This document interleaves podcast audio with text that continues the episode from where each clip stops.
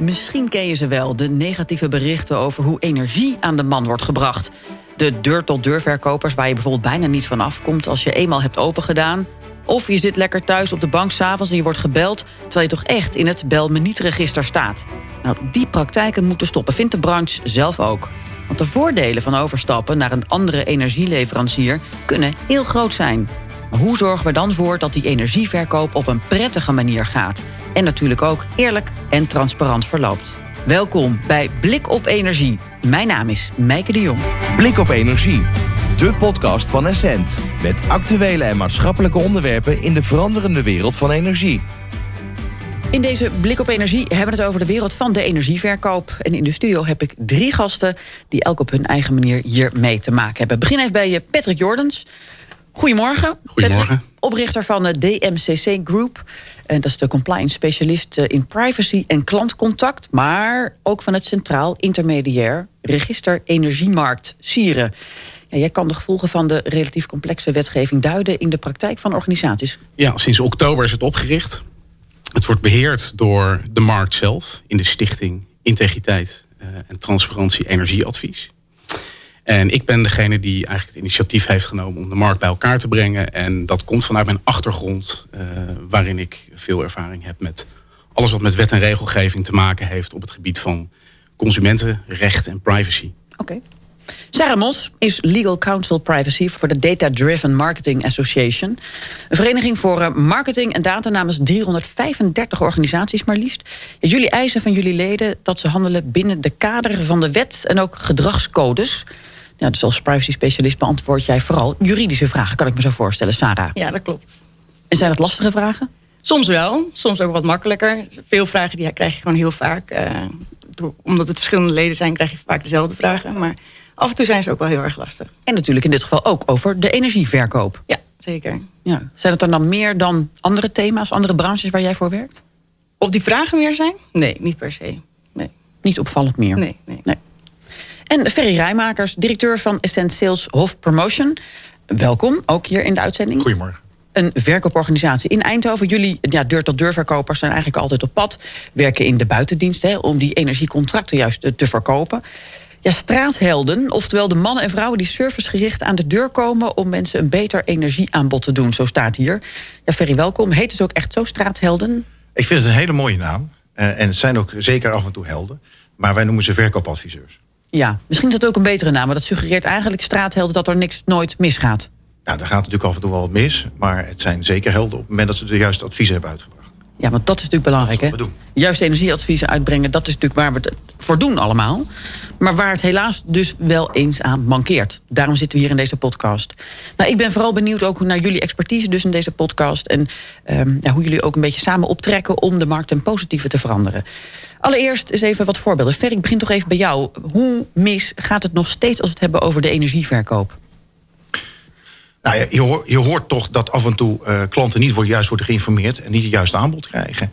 En uh, dat hoeft niet, want we hebben de informatie over de verbruiken van klanten. En we kunnen ook het juiste aanbod doen. Ja. En concreet dan? Wat, wat hoor je dan? nou, dan hoor ik dat klanten uh, ook nog aanbiedingen krijgen die niet voor hun gemaakt zijn. Ook aanbiedingen, ook proposities. En daar moeten we ook even kijken. Het is niet, gaat niet alleen over wie verkoopt en de manier van verkoop, maar wat er verkocht wordt. Met verhoogd vastgoed. Noem het even de woekerpolis van de energie. Uh, dat moet er ook echt uit. Uh, waardoor ook het verkoopkanaal heel veel geld kan verdienen met mooie bonussen. Maar dat niet ten gunste komt van de klant. Patrick, wat hoor jij? Ik luister vooral naar de klant. als je kijkt naar wat er nog steeds online uh, wordt gepubliceerd, maar ook in media over de zaken die nu nog steeds niet goed gaan, dan is dat eigenlijk hetgene waar ik naar kijk. Ik denk wel dat de markt slagen heeft gemaakt. Maar het is wel zo dat een deel van de consumenten, uh, dat is wel een klein deel, en dat gaat heel veel goed. Misschien gaan we het straks nog hebben over hoeveel mensen stappen er eigenlijk over. Dat zijn enorme aantallen. Uh, maar dan zie je toch wel dat soms mensen zich achteraf uh, niet goed geïnformeerd voelen. of dat ze dachten dat ze geen contract hadden. Dat zijn zaken en die moeten er echt uit. Ja, daar gaat dus echt nog wel wat mis, Sarah. Bij jullie komen er ook wel eens klachten binnen. Wat, wat, wat hoor je dan? Meldingen die uh, over dit onderwerp gaan... zijn vaak dan misverstanden over het Belmeniet-register. Dat zijn denk ik de grotendeels de, de, meldingen die hierover binnenkomen. Dat mag je even uitleggen. Hoe zit dat dan precies? Ja, het belminietenregister, dat klinkt natuurlijk heel absoluut. Dus als je je inschrijft in het belminietenregister, dan word je niet meer gebeld. Maar zo werkt het niet helemaal. er is een kleine uitzondering, dat heet de klantrelatie. En daar weten consumenten eigenlijk helemaal niks over. En dat wordt ook niet zo goed uitgelegd. Uh, en daar zijn wij nu dus mee bezig om dat wat duidelijker te maken. Dat agents ook kunnen uitleggen aan uh, mensen die ze aan de telefoon hebben van in het Belmonietregister inschrijven helpt niet tegen organisaties waar je al een klant van bent geweest of op dit moment van bent. Ja, dus de communicatie naar de klant toe kan in dit geval beter. Precies. Ja, iets duidelijker. Ja. ja, helder, helder. Ja, goed, dan gaan we het eens even hebben over wat jullie dan toevoegen. Hè. Wat is jullie rol eigenlijk in het hele verhaal? Patrick, ik, ik begin eigenlijk bij jou. Uh, jij gaf al aan, hè? jullie hebben uh, um, uh, in oktober vorig jaar Sieren opgericht. Dat is de Centraal Intermediair Register Energiemarkt. Waarom heb jij hier zo hard voor gemaakt? Dit, we hebben het hier over, laten we zeggen, 2017, 2018, die periode. Daarin heeft de, eh, de het, verkoopmodel in de energiemarkt is uh, behoorlijk omgeslagen naar intermediaire verkoop. Wat dus zoveel betekent als dat uh, veel verschillende partijen, hè, derden, de producten en diensten van energiebedrijven verkopen. En uh, dat, dat uh, lijkt raar, hè, want waarom zou je niet zelf je verkoop doen? Maar het lijkt heel erg op het model in de financiële sector van verzekeringen. Daar, daar verkoopt het verzekeringskantoor op de hoek ook een polis van Egon. Of van een andere verzekeraar. Nou, dat is in de energiemarkt is het ook zo ontstaan. Met als gevolg dat heel veel verschillende partijen zich met energieverkoop zijn gaan bemoeien. En uh, als zo'n markt snel verandert en er zijn heel veel verschillende spelers. En de bijbehorende grip is er nog niet, dan gaat er veel fout. En wat gaat er dan fout? Mensen weten gewoon niet precies uh, wat ze allemaal moeten doen als ze een energiecontract aan een consument verkopen. En dat is nogal wat, want energie is uh, een primaire levensbehoefte. Het is voor ons allemaal belangrijk. Uh, en het is een complexe dienst. Als je een energierekening bekijkt, dan moet je bijna gestudeerd hebben om hem te begrijpen. Dus vandaar dat de overheid veel regels in het leven heeft geroepen voor degene die een contract adviseert om uit te leggen aan een consument. Dat is een behoorlijke set met gegevens. Nou, en als een verkoper niet zo goed getraind is eh, en zich daar niet zo in heeft verdiept, uh, dan vindt hij het misschien in, in de eerste aanleg ook een beetje ballast. Waarom moet ik dat allemaal uitleggen? Uh, daar komt bij dat de klant het eigenlijk zelf niet altijd wil weten. Die denkt van, joh, ik moet gewoon mijn knopje aan en uit doen, toch? Hè? Of mijn gassen aanzetten. Ja, dus Sier is eigenlijk opgericht om ervoor te zorgen dat er ook meer overzicht uh, is, zeg maar, waarschijnlijk in die intermediair markt, hè, om maar zo te zeggen. Uh, en ook om uiteindelijk meer controle op te hebben. Dat is de reden dat jullie uiteindelijk uit jullie zelf, hè, de branche uit zichzelf, dat heeft ja. opgericht. Ja, zo kun je dat wel zeggen. De doelstelling van Sieren is om het vertrouwen van consumenten, van klanten te borgen in energieverkoop. Ja, maar Patrick, nou hebben we zo'n 1500 tot 2000 van dit soort intermediairs, grotere en kleinere, die dus op allerlei manieren proberen toch om verkopen contracten, hè, dus energiecontracten eigenlijk te verkopen aan klanten. Uh, zo'n 800 zijn nu bij jullie ingeschreven. 675 hebben dat keurmerk en voldoen dus aan al jullie eigen eisen, die de branche zelf heeft opgezet. Maar als een bedrijf zich inschrijft, dan uh, gebeurt er eigenlijk al een hoop. Hè? Die, die, dan is er dus de eerste screening. Ja, zeker. Ja. Uh, die screening die ziet op een aantal uitgangspunten waaraan zo'n intermediair in eerste aanleg moet voldoen. Uh, dat zijn vaak uh, veelal transparantie-uitgangspunten. Je moet bijvoorbeeld gewoon duidelijk te vinden zijn. Hè? Als jij een handelsnaam gebruikt in een gesprek aan de deur of aan de telefoon of waar dan ook, dan moet achteraf de klant hè, met wie je gesproken hebt jou kunnen vinden online. Dat onderzoek wordt gedaan. er wordt ook gekeken of als jij gevonden wordt of jouw website voldoet aan alle wetgeving, bijvoorbeeld de energiewetgeving en consumentenwetgeving en privacywetgeving. En als je dan het keurmerk hebt, dan val je ook onder het toezicht van Sieren. Dan moet je daar dus blijvend aan voldoen. Dus je moet je netjes gedragen. En als dat niet zo is, kan je je keurmerk verliezen. Nou, zo dat de Consumentenbond ook wel kritisch is hè, over het, het zelfregulerende vermogen van de branche. En ook hè, dat je zelf een keurmerk zeg maar, opricht zonder dat dat van bovenaf komt. Hè. Slager keurt zijn eigen vlees, wordt gezegd. Zelfregulering kan de sector niet. Uh, hadden ze al eerder alle kansen toe. Uh, het idee is een afleidingsmanoeuvre, werd door de Consumentenbond gezegd. En alleen bedoeld om al aangekondigde strengere maatregelen af te wenden. Energiebedrijven moeten zich gewoon aan de wet houden. Dan heb je helemaal geen keurmerk nodig. Ik vind dat lastig. Ik vind dat een, een, partij als de Consumentenbond, die zijn natuurlijk er voor het belang van de consument. Uh, en dat delen ze met Sieren. Dus daar zouden ze in de basis natuurlijk positief tegenover moeten staan. Maar reageer ze op het idee dat zij zeggen: ja, als iedereen zich gewoon aan de wet houdt, dan hoeft het keurmerk gewoon helemaal niet. Ja, daar hebben ze helemaal gelijk in. Maar het is niet zo. Dus als de branche er dan zich voor gaat inspannen om ervoor te zorgen dat aan de ene kant die wet soms beter wordt uitgelegd aan de partijen die in die markt werken. Uh, en aan de andere kant zelf ook gaat toezien dat uh, die partijen dat doen. Hè, want de overheid heeft een toezichthouder, dat is de ACM. Maar die kan niet toezien op 2000 uh, intermediairs. Dus dat is een hele goede ontwikkeling in aanvulling op de wetgeving en het toezicht daarop. Dus ja, ik vind de Consumentenbond een beetje star in, in dat opzicht. En dat is een gemiste kans voor ze. Oké, okay, Ferry, reageer daar eens op. Want ja. jij bent natuurlijk aan de verkopende partijen. Daar, daar zit jij natuurlijk, die vertegenwoordig je hier aan, aan tafel. Ja. Ja, ik wil wat toevoegen aan wat Patrick zegt. Want uh, uh, inderdaad, het is ook voor de consumentenbescherming. En juist die transparantie heb je nodig. Hè. Iedereen moet zich aan de wet houden, dat is duidelijk. Maar dat begint met transparantie. En als je het hebt over heel veel versnipperde partijen... Uh, dan wordt het ook heel moeilijk voor energieleveranciers... om precies de sale te achterhalen waar die heeft plaatsgevonden... door welke persoon en welke consument. Dat ga je krijgen met het intermediair register. En met de vervolgende stap waar we mee bezig zijn... is het SIP-register, het personenregister. En dan kun je echt daadwerkelijk, dat kunnen wij al, zien wie er wanneer bij wie aan de deur is geweest en wie welke sale heeft gedaan. Ja, want dat betekent eigenlijk dat de verkoper aan de deur ook een nummer krijgt en geregistreerd is en je precies weet was Pietje of Pukje die aan de deur stond. Ja, wij, wij treden op namens Essent, hè, dus wij vertegenwoordigen ook Essent.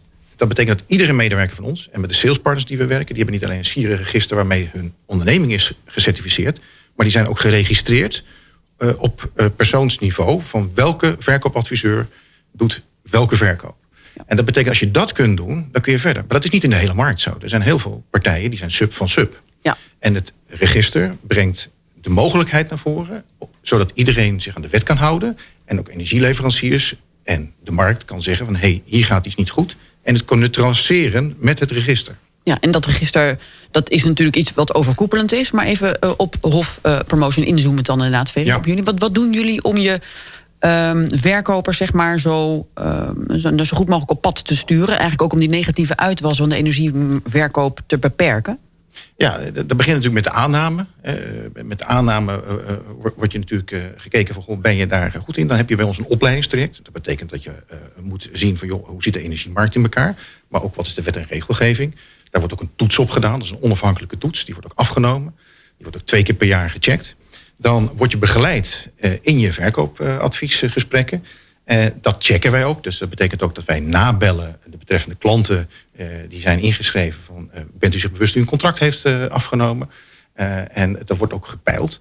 Dus wij, we zitten een heel controleproces aan vast om te zorgen dat er ja, niet dingen gebeuren die je niet wil. Want laten we wel zijn, dat willen wij allemaal niet. want het zijn ook onze familie en kennissen waar mensen aan de deur komen en advies geven. Ja, uiteindelijk is het natuurlijk wel weer fijn als er zoveel mogelijk klanten bij komen. Tevreden klanten. Uh, uh, zoveel mogelijk klanten, ontevreden klanten zijn geen klanten. dus dat is heel belangrijk om te weten. Het gaat om tevreden klanten. En ik denk dat het heel goed mogelijk is in deze markt. En dat we dat nodig hebben, ook voor de energietransitie. Want we hebben het nu over stroom- en gasverkoop. Maar als je het hebt over advies, dan heb je het ook niet alleen over een stroomcontract of een gascontract, maar heb je het ook over advies over zonnepanelen, over isolatie, over al dat soort dingen. En dan heb je dus advies nodig om ook die transitie mogelijk te maken. Ja, het is ook een keiharde concurrerende markt in die zin. Uh, op de site van Essent kwam ik ook wat tips tegen hè, om alert te zijn op misleiding voor de klant. Hè. Bijvoorbeeld, je gaat maandelijks minder betalen. Nou, dat is vaak dus, tenminste, dat hoeft niet altijd nee. een feit te zijn. Hè. Voordeel op energietarieven of uh, stickers tegen deur-tot-deur verkoop die misschien wel worden genegeerd. Hè. Dat, nou goed, dat, dat is natuurlijk niet handig. Dus in die zin wordt de consument natuurlijk door Essent zelf ook een beetje getraind en getriggerd om ook zelf scherp te zijn en op te letten. Hoe werkt de beloning eigenlijk voor verkopers bij jullie? Uh, de, beloning werkt uh, als volgt. Je hebt natuurlijk gewoon een, een basissalaris. en daarnaast heb je een beloning op basis van de scores. Daarbij zit ook een monitoring van je kwaliteit. dat heeft dus te maken met het aantal mensen wat uiteindelijk afziet van het contract. En dat heeft ook weer van invloed op je beloning. Dus het is enerzijds, ja, uiteraard hoe succesvol ben je om nieuwe klanten aan ons te binden. Maar tegelijkertijd ook op dat op de juiste manier te doen. Dus het moet een juiste balans zijn. Ja, ja, want ik zie net op jullie site dan staan, hè, bijvoorbeeld van uh, um, de verkopers die in de buitendienst zitten. Uh, die hebben in principe uh, de kans om zoveel mogelijk in één contactmoment de klant, de potentiële klant, zeg maar, tot het contract te krijgen. Vast loon 1700 euro. plus een goede bonusregeling tot wel 2250 tot 7000 euro per maand. Dat zijn enorme bedragen. Het gaat vaak om jonge mensen. Die voelen zich misschien ook wel enorm getriggerd om enorm hun best te doen. En dan heb ik het nog, dan noem ik het positief, hè, enorm hun best doen. Ja, dat dat komt voor. En er zijn ook mensen bij, eh, natuurlijk, die, eh, die daardoor getriggerd worden en dat alleen voor ogen hebben. Het is aan ons om te laten zien dat je daar de balans in moet doen. Het gaat over verkoopadvies. En het betekent dus ook dat je eh, op het moment dat je niet het voordeel kunt bieden, dat je dan daarvan afziet. Nou, dat is ook het hele proces waarop we controleren, worden mensen ook op getraind. Dus die balans moet je wel hebben. Maar het is wel zo dat mensen hier natuurlijk een basissalaris hebben en ook verdienen, wat je in alle salesorganisaties in, over de hele wereld ziet, op basis van hun resultaten in de sale. Maar dat is wel een sale waar we wel tevreden klanten hebben. Ja, nou Patrick, zou jij ook kunnen voorstellen dat hierdoor misschien de druk bij verkopers wel erg oploopt? En dat ze misschien de neiging hebben om de grens op te zoeken of wel daar overheen te stappen? Kijk, variabele beloningen in, in alle sectoren kunnen natuurlijk zorgen voor impulsen die niet gewend zijn. Hè? Dus uh, ja, is mijn antwoord. Uh, maar als jij goede controlesystemen hebt en duidelijke afspraken met jouw uh, mensen, uh, dan hoeft dat niet zo te zijn. En ik zie ook in de markt, want ik heb wat meer overzicht over de hele markt, uh, zie ik grote verschillen met hoe daar nou specifiek mee wordt omgegaan. Dus het is eigenlijk zo dat vrijwel iedere marktpartij die ik ken werkt met variabele beloningsmodellen, waarbij de mensen altijd wel een bepaalde basis verdienen maar de upside is uh, het succes. Hè. Dus als je veel succes boekt, dan heb je een betere beloning. Um, ik zie eigenlijk alle organisaties in uh, energieverkoop, maar overigens ook telecom, uh, financiële producten. Hè. Het is voor alle sectoren. Maar dat zijn nou juist ook de sectoren waar heel veel van dit soort dingen juist misgaan. Klantirritaties ontstaan, ook misstanden waren en soms nog steeds wel zijn. Zou dat niet de, gewoon de verkeerde trigger zijn? Zou een vast, vast salarispunt dan niet een betere oplossing zijn? Ik kan me voorstellen dat de wereld niet zo makkelijk te veranderen is. Maar dit is misschien ook waardoor het zo ja, mis kan gaan soms. Ja, en juist omdat de wereld niet zo makkelijk te veranderen is, vind ik het eigenlijk niet zo makkelijk om een antwoord te geven op: ja, is, is, is dan de oplossing om het, om het beloningsmodel om te draaien? Dat gaat niet gebeuren. En dat is realistisch gezien, kun je dat niet verwachten van de sectoren. Dat is ook niet in al die andere sectoren gebeurd. Uh, dus je moet zorgen dat je de juiste borging treft. Hè. Kennelijk is het voor business cases van bedrijven in uh, uh, zo'n sector belangrijk dat ze met deze modellen kunnen werken. Nou, ik vind, dan accepteer je dat. Hè. Dat is een, een, een zakelijk principe. Uh, maar je moet er dan vervolgens mee dealen. Hoe beheers ik de kwaliteit? En hoe beheers ik klantirritatie? En daar is de een echt in deze markt veel beter in dan de ander. Nou, dat is waarschijnlijk ook voor grote verschillen. En een flinke uitdaging voor veel organisaties. Ja. Sarah, kom ik bij jou. Want de organisaties kloppen natuurlijk ook bij jou aan om juist dat juridische aspect en hoe het goed geborgd wordt en waar de rechten en de plichten zitten, om dat dan goed te doen. Ja, klopt. Um, als je dan een beetje naar dit verhaal uh, luistert, um, ja, wat valt je dan op? Wat, wat merk jij dan? Uh, waar, waar, leden bij, bij, bij ons bij mee komen? Ja, dus eerst is dat vooraf al. Ik ga een campagne beginnen, uh, mag ik dit doen? En soms dan merken wij op van, oh nee, dit moet je even nog uh, aanpassen. En dan kun je het wel doen. Soms moeten ze weer helemaal terug naar de tekentafel. Maar ze komen dan wel vooraf aan ons vragen van... is dit een uh, oké campagne? En heb ik zo aan alle regelgeving uh, gedacht. En soms is het ook achteraf dat we pas merken bij een melding... dat, dat er iets verkeerd is gegaan of misschien inderdaad een misverstand is geweest. Ik wil eigenlijk ook nog eventjes ingaan op de zelfregulering. Dus de Consumentenbond die over zelfregeling zegt... als iedereen zich gewoon aan de, aan de wet houdt, dan is het toch, is het toch genoeg.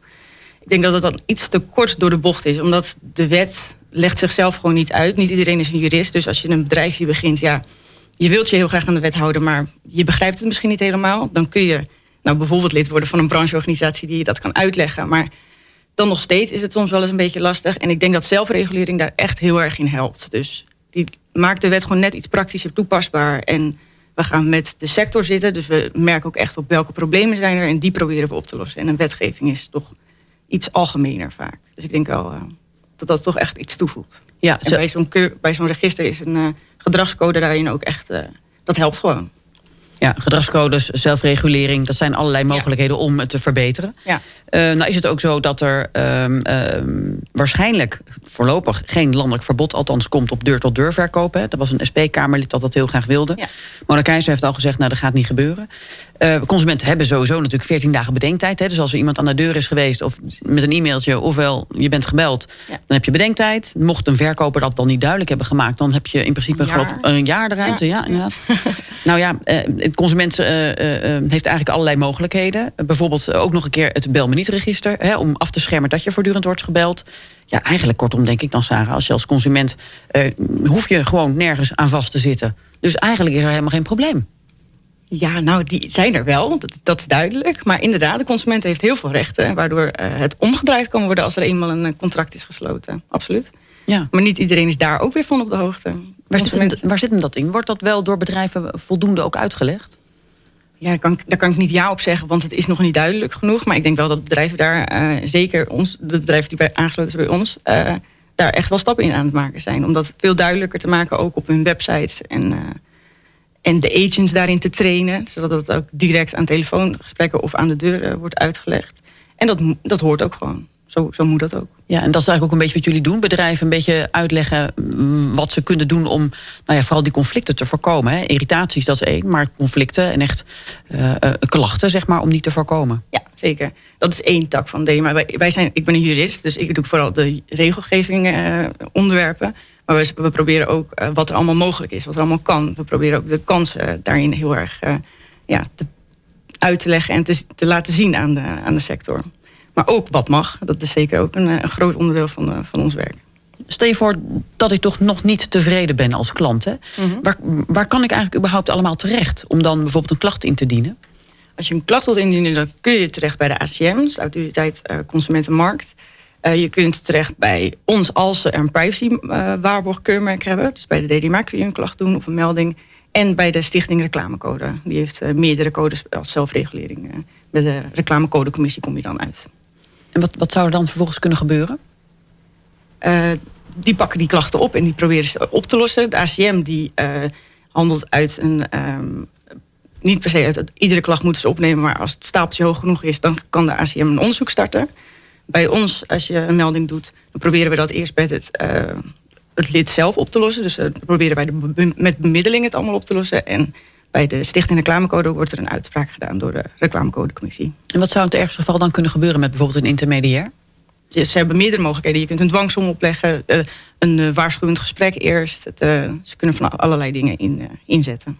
Bij de ACM zou je in het ergste geval denk ik een boete kunnen krijgen. Ja, echt, ja, en dan zullen ze dus ook moeten stoppen met de praktijken die niet mogen. Maar het is niet dat de, het, de organisatie opgedoekt zou worden op dat moment. Ja, maar het gebeurt maar een paar keer per jaar geloof ik dat er überhaupt door hen een klacht wordt opgepakt, toch? Klopt, ja. Blik op energie. De podcast van Essent. Met actuele en maatschappelijke onderwerpen in de veranderende wereld van energie. Ja, in deze podcast hebben we het dus over de verkoop van energie via onder andere de telefoon, online of van deur tot deur.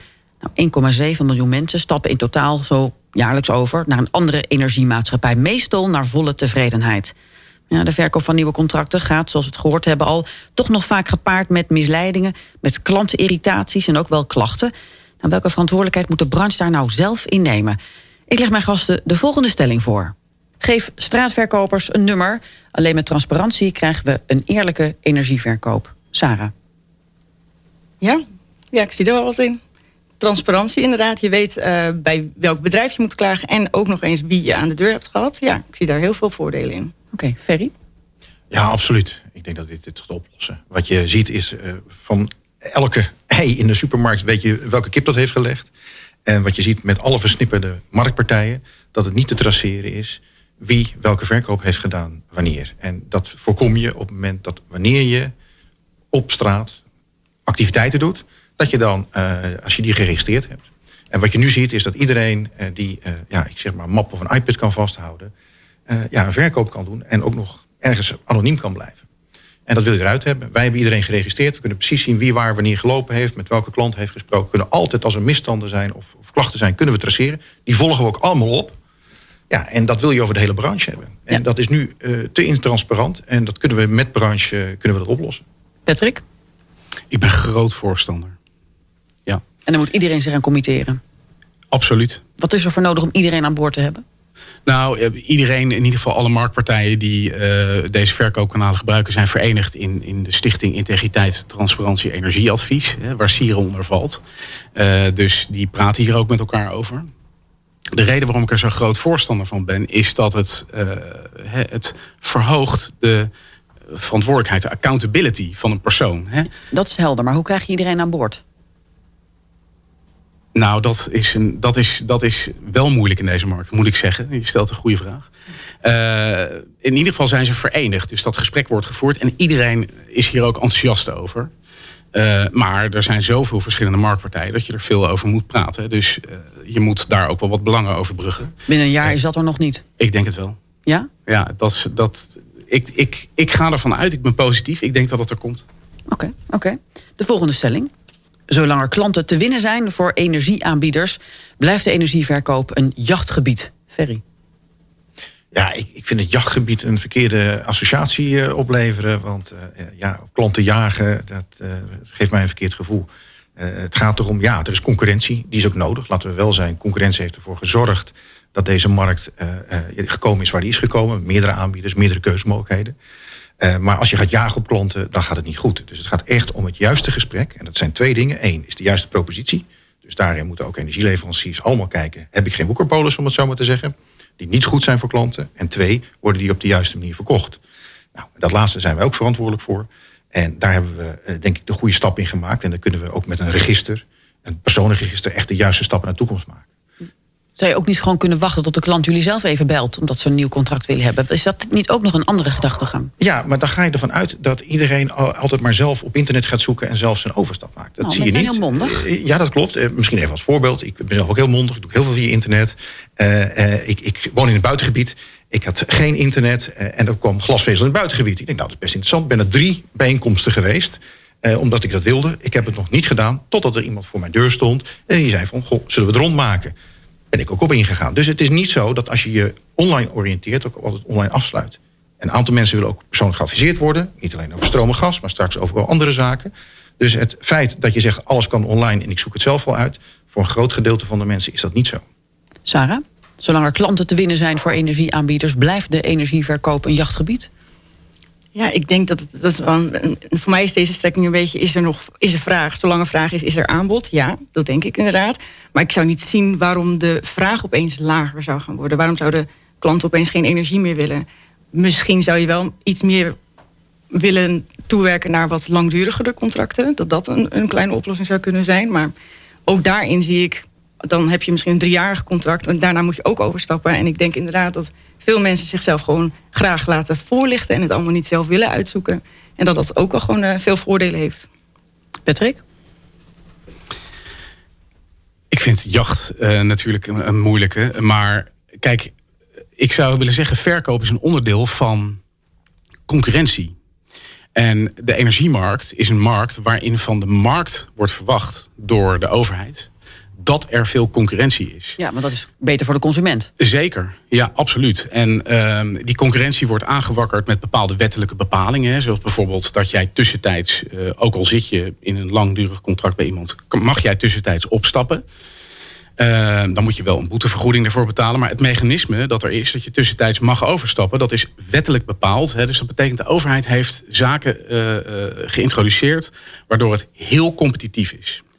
En als het competitief is, is er verkoop. En ik zou het dan niet de jacht willen noemen. Ik zou het willen zeggen, ja, verkoop zeker is een onderdeel van, uh, van concurrentie. En verkoop moet altijd ordentelijk zijn. Helder. Tot slot even een laatste vraag.